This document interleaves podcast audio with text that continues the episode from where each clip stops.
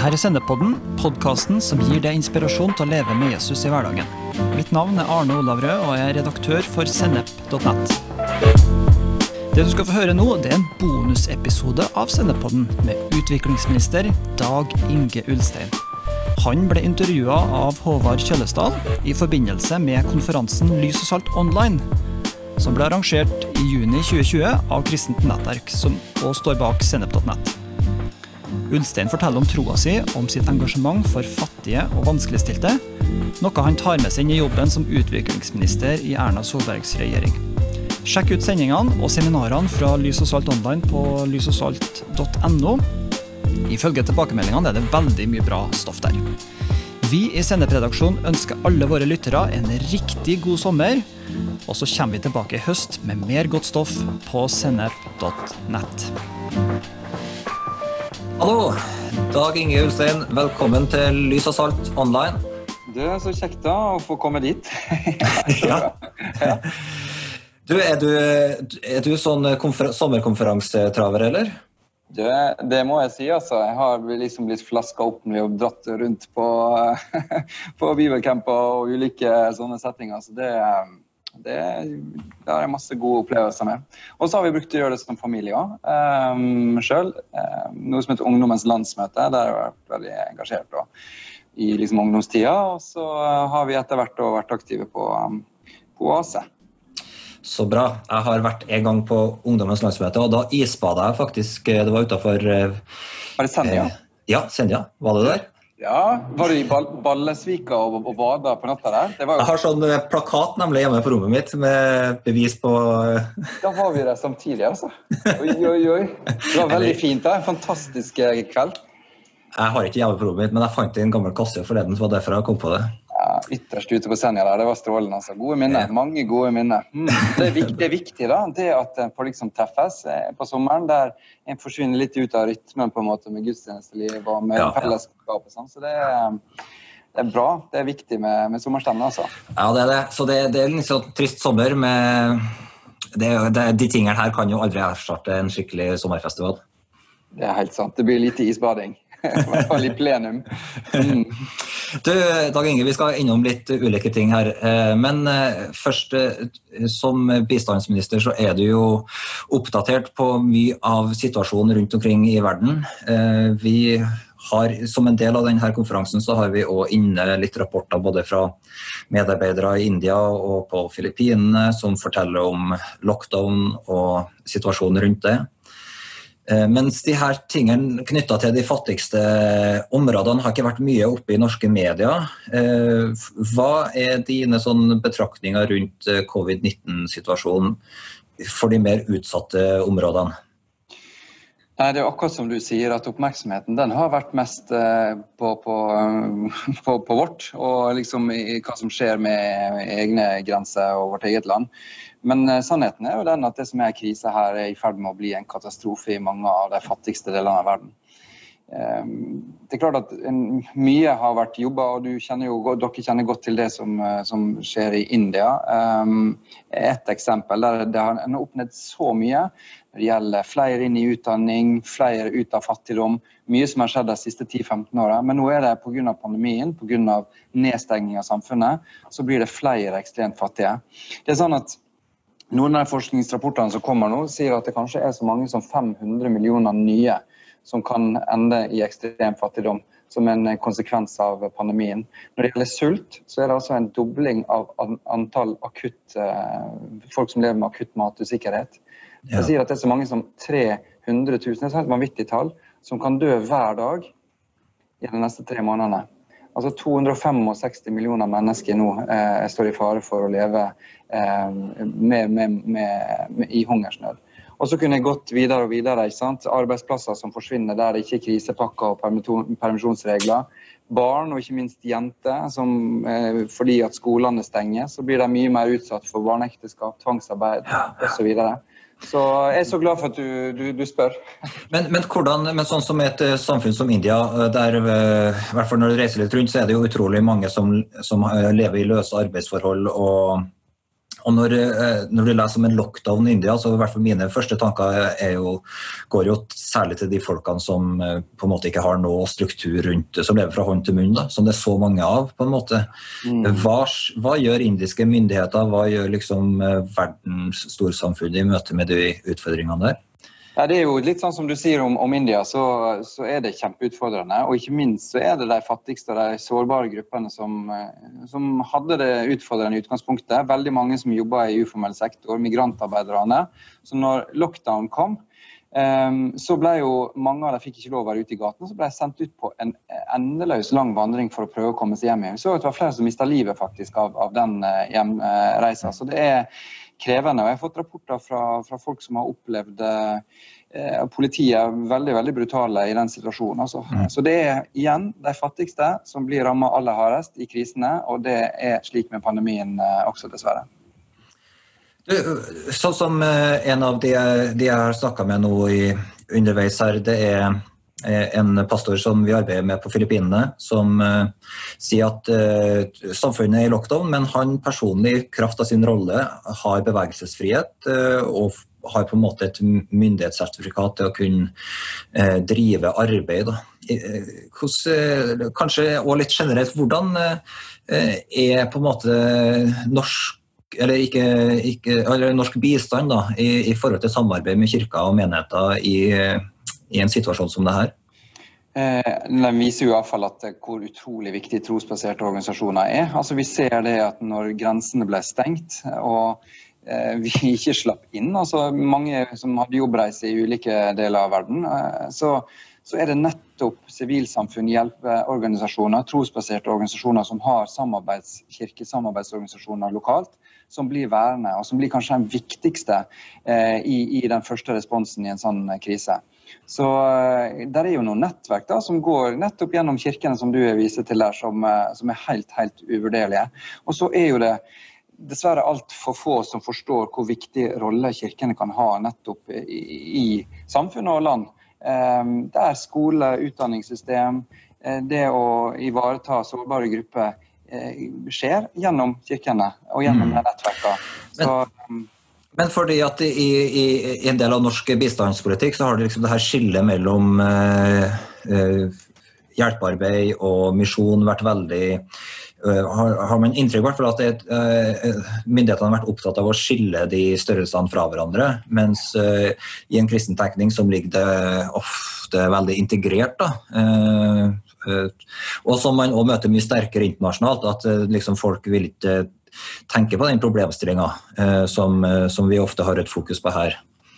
Men, jo... men hva, hva, skjer i den dynamikken i, i, sånne situasjoner som det her, når kirkene på en måte lokalt blir så avgjørende for å bringe hjelp og sånn? Jeg vet ikke hva, det er, det er jo noen lange kall det, relasjoner som er bygd. Eh, rett før jeg snakka med deg nå, så hadde jeg en, en lengre samtale med utenriksministeren i Tanzania. Og Det han brukte de første ti minuttene å snakke om, det var hvor fantastisk det var med misjonærene som kom til Tanzania for 55 år siden. Og mm. bygde opp helsesystemet. Han, han, kunne dem på navn. Han snakka om dr. Olsen. Han snakka om de norske misjonærene som kom dit, eh, og som, eh, som, kom med respekt, og som kom og var med og bygde landet og, og, og var med å forandre, rett og slett. Så han, og igjen, Det forteller jo om en tillit som er bygd opp, og noen relasjoner og noen strukturer som ikke hadde vært der hvis ikke misjonsorganisasjonene hadde um, engasjert seg sånn som de har gjort. Så um, igjen, er, pandemien har vist hvor viktig det, det faktisk er. Da. Men du, Jesus han er jo en litt sånn felles uh, helt for oss. Ja, felles bekjent. En felles, har jeg inntrykk av. Ja. Uh, hvordan, er det sånn at uh, det å være Jesus-etterfølger og bistandsminister, det er liksom drømmeposisjon, eller? Eh, altså jeg har lyst til å snu litt på det. fordi jeg tror at de, Det er ikke akkurat eh, hva jobben har, eller hvordan, eh, men, men, det å ha det vennskapet med, og relasjon til, til Gud, og det å få være tett på Jesus gjennom hverdagen, det er liksom det viktigste. Og så kan jo kan jo bli leder i ulike roller og ulike posisjoner. Men det som jeg synes er så godt med det kristne fellesskapet, da, da er det jo at da er ikke det rollene, men da er det rett og slett den relasjonen som knytter oss sammen. Eh, mm. Men jeg er jo veldig glad for å få være her. Eh, og, Og jeg er glad for kristne som engasjerer seg i alle ulike sektorer. Mm. Hvor det er så viktig at vi er liksom bevisst på det da, og kan kjenne på en sånn åh, det Troa mi at Jesus er det viktigste i livet mitt, det, være, det, det, er jo så naturlig. Og Jeg møter jo mange ledere fra andre land som snakker veldig naturlig om det. og um, Jeg håper bare at vi her i Norge kan, kan ja, rett og slett oppmuntre hverandre og inspirere hverandre til å være mer frimodige på det. da. La det ja. være så naturlig. Folk snakker og tror og mener så mye rart. Altså, Hvis vi tror at vi tror på det vi tror på, altså, så er det så virkelig verdt å dele og, og leve ut. Men, men du, du, er jo Jeg må si jeg, jeg, blir så glad for å se den tydeligheten som du viser i mange sammenhenger, i både intervjuer og andre ting rundt uh, troa di. Uh, men uh, det her med å være politiker mm. og, og Jesus-etterfølger det er jo et sånt felt som altså For det første er du, er du jo en veldig offentlig person. Eh, også, som, og alt det medfører. Eh, hvordan opplever du den sida der? Jeg har stort sett bare møtt eh, liksom, respekt for, for, det å være tydelig på tro, og ikke minst det å kunne liksom, bruke vanlige ord om, om, hvem Jesus er for meg, og, og, og, hvor viktig det er, og hvor viktig det er å ha et kristent fellesskap og prioritere og investere i det. Så um, ja. møter jo veldig ofte nysgjerrighet. da Um, og der folk har lyst til å høre mer, og hvordan det kan arte seg i 2020. Um, mm. Så um, men, men, du, eh, politikerlivet, da. Altså, mm. Du er en del av en eh, mindretallsregjering. Mm. Og som uh, har Som er en samarbeidskoalisjon. Mm. Eh, så det, det, bare i seg sjøl innebærer jo det masse politiske kompromisser. Så, men du sitter jo i posisjon, da. Så hvordan, mm. eh, hvordan opplever du den spenninga mellom liksom, å bevare en integritet? Fordi at eh, overbevisningene våre er jo en viktig del av oss, og samtidig så vil jeg jo anta at du, du må iverksette en del politikk som du ikke sjøl fremmer eller står for. Mm. Hvordan, hva, hvordan opplever du den spenninga der? Det er jo selvfølgelig eh, ofte mange krevende dilemmaer som en står i. da. Ehm, eh, og så kan en jo si at uh, Kristelig Folkeparti som et lite parti kan heller ikke liksom regne med å få fullt gjennomslag på alt det som er vårt, utelukkende vårt partiprogram. Men hva var alternativet hvis vår plass ikke hadde vært der, har jeg ofte tenkt på.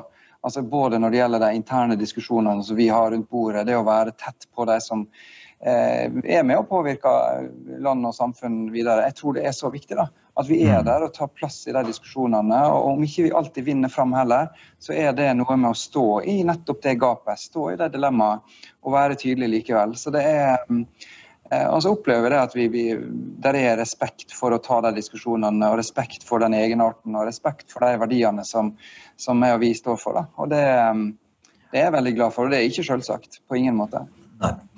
Det er jo overførbart til mange samfunnsområder, det her med eh, involvering eller eh, tilbaketrekking. Eh, mm. Så, så, det er jo nok et dilemma som flere føler på, men som, som, det er flott å se at det er noen som på en måte står i det og velger å involvere seg. Vi har jo en konferanse som heter Lys og salt, som, som da bl.a. Håkon Pettersen, som din tidligere kollega fra Bergen, var vel en av eh, opphavsmennene på den eh, konferansetittelen.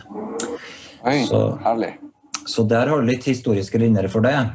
Men du, jeg spurte Håkon, eh, jeg ringte nå litt research på deg, min venn Håkon, som du da jobba sammen med Bergen i sin tid, Han sa jeg skal snakke med Dag Inge, har du noen nå er jeg spent.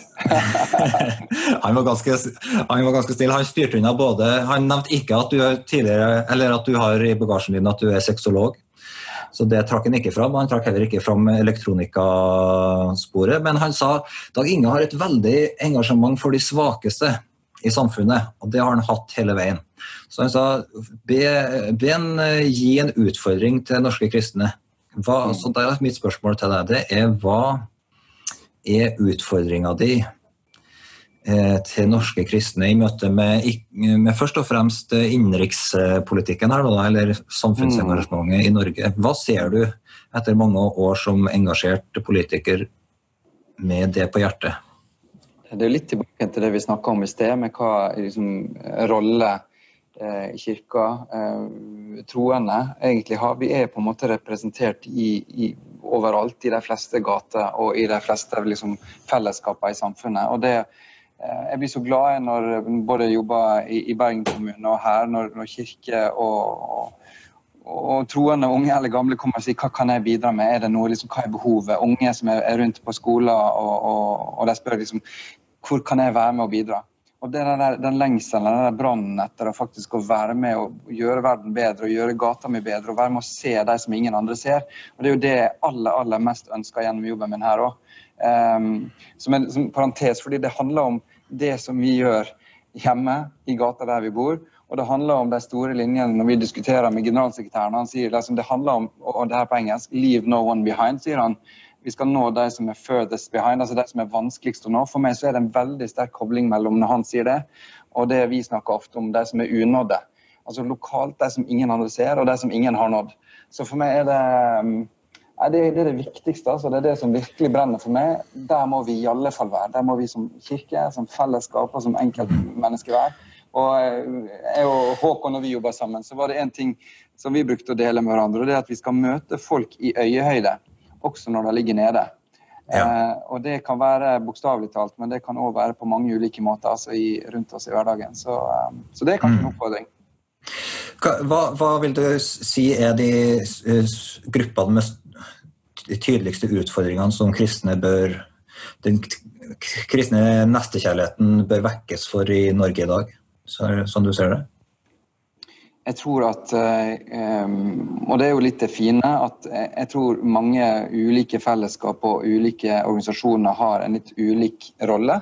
Eh, og det handler litt om eh, Det kan være liksom historier, utgangspunktet hva som var driveren for at uh, en organisasjon eller et fellesskap tok, tok ansvar på et felt. Da. Du ser den diakonale bevegelsen, f.eks. Om det er innenfor rus, og som du ser Blå Kors har på en måte tatt en rolle. Evangeliesenteret. Et, et, kjempeengasjement som du ser nå blant mange unge eh, kristne knytta til menneskehandel. Mange mange, mange ulike roller. så jeg tenker Det er ikke sånn ett et rom. Men det er noen grupper jeg, jeg har ofte kjent på personer med funksjonsnedsettelse. En ting er Eh, alle de som blir holdt utenfor samfunnet i utviklingsland. Men, men det, det, tror jeg òg her hjemme, at det er folk som, eh, som rett og slett blir holdt utenfor. Um, og så har du jo ikke minst uh, spesielt sårbare grupper av, av barn.